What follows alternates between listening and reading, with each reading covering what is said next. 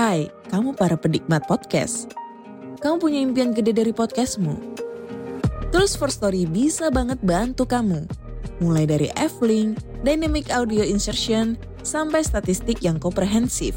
Semua ada di First Story. Gak ketinggalan kamu bisa monetisasi podcastmu lewat iklan dari First Story Ads yang bisa kasih kamu penghasilan dari setiap place podcastmu.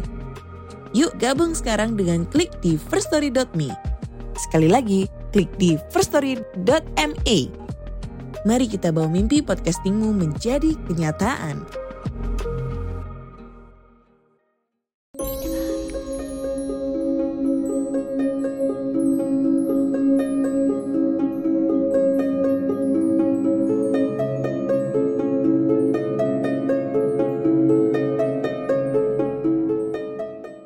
Selamat datang dan selamat malam. Saya Denny, narator dari Rumah Horor Indonesia dan cerita tengah malam menyambut kalian untuk mendengarkan sebuah cerita horor di malam hari ini.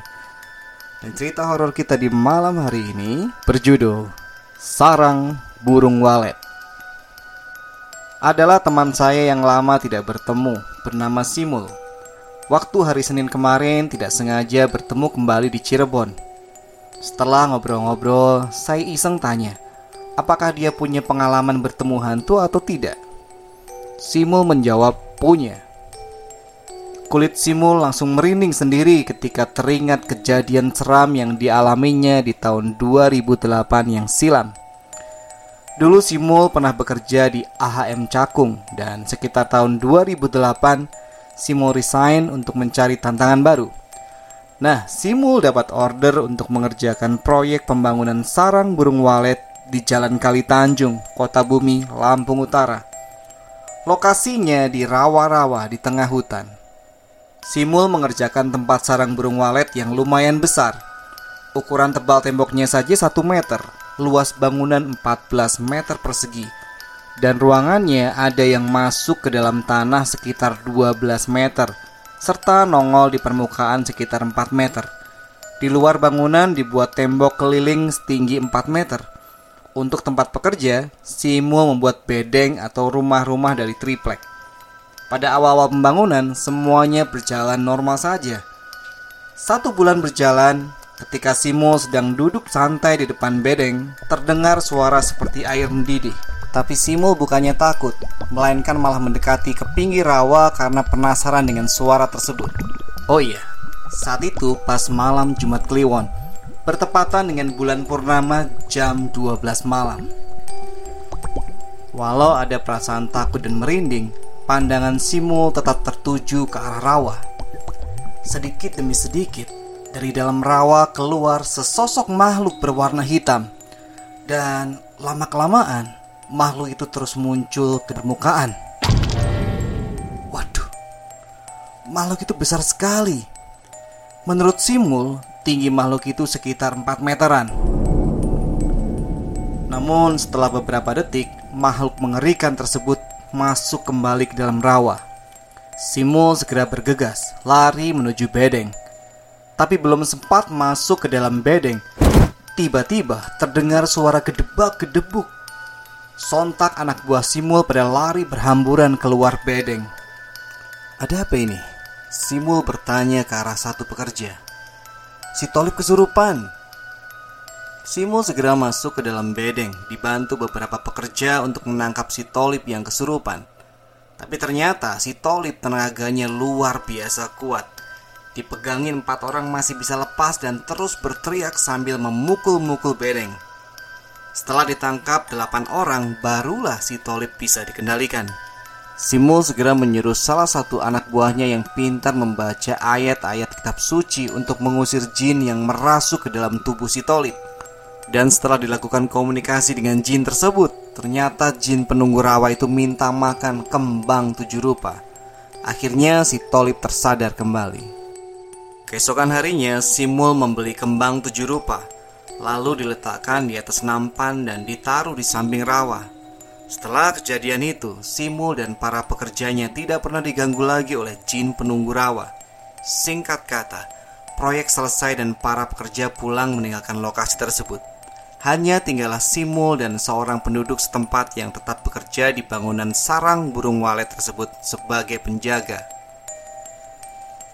Air liur burung walet itu harganya mahal, makanya harus dijaga agar terhindar dari maling spesialis sarang burung walet. Simul dan rekannya tersebut bertugas bergantian. Bila Simul jaga di siang hari, maka rekannya berjaga di malam hari. Nah, suatu malam ketika Simul dapat jatah jaga malam, saat dia sedang keliling bangunan, Simul berhenti sejenak di bagian bangunan yang mengarah ke rawa. Suasana saat itu gelap karena tidak ada penerangan selain penerangan daripada lampu senter.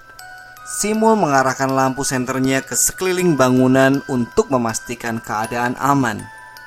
Ketika Simul mengarahkan lampu senternya ke atas bangunan burung walet, terlihat sesosok makhluk berambut panjang mengenakan gaun putih yang bawahnya berumbai-rumbai sedang membelai-belai rambutnya sambil duduk di atas bangunan. Merinding sekujur tubuh Simul. Segera saja dia berbalik arah dan bergegas meninggalkan tempat tersebut. Keesokan harinya, Simul bercerita kepada rekannya kalau semalam dia melihat penampakan di atas bangunan di dekat rawa. Dan rekannya baru cerita kepada Simul bahwa sekitar tiga hari yang lalu ada mayat perempuan hamil yang ditemukan terapung di rawa. Hari-hari berlalu, Simul berjaga seperti biasa tanpa ditemui penampakan lagi. Nah, pada suatu malam, tepat malam Jumat Kliwon, Simul berjaga malam dan keliling bangunan seperti biasa. Karena cuaca dingin dan gelap gulita, Simul membuat api unggun. Tapi Simul lupa kalau di tempat dia membuat api unggun itu Seminggu yang lalu ada penampakan. Setelah api menyala Simul pun menghangatkan badan dengan duduk di samping api unggun. Tiba-tiba terdengar suara burung hantu Simul belum menyadari kalau itu pertanda akan ada penampakan Dan mulailah tercium bau wangi melati Tengkuk Simul mulai merinding dan menjalar ke seluruh tubuh Simul menengok ke kanan, tapi tidak ada apa-apa. Tengok ke kiri, tidak ada apa-apa juga.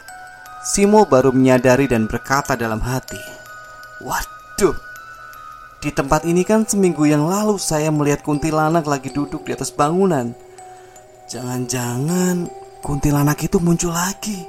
Pelan-pelan Simul menengadahkan kepalanya, memandang ke atas, dan Tepat ketika mata Simul memandang ke atas, dia melihat sosok kuntilanak di atas bangunan. Kuntilanak tersebut menatap tajam ke arah Simul. Simul dan kuntilanak itu saling bertatap muka dalam jarak 4 meter.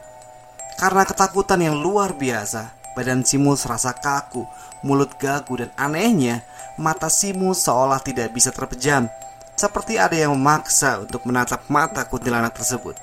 Wajah si kuntilanak itu terlihat hancur dengan bola mata yang hampir keluar. Benar-benar mengerikan. Si kuntilanak diam tak bersuara dengan tatapannya yang sadis.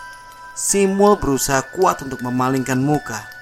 Akhirnya, Simul berhasil memalingkan mukanya dan segera mematikan api unggun, lalu lari terpirit-pirit kembali ke dalam bedeng. Simul pun langsung masuk ke dalam sarung dan tidur sampai pagi. Oke teman-teman, itu cerita horor kita untuk malam hari ini. Terima kasih sudah mendengarkan sampai akhir. Selamat malam, selamat beristirahat.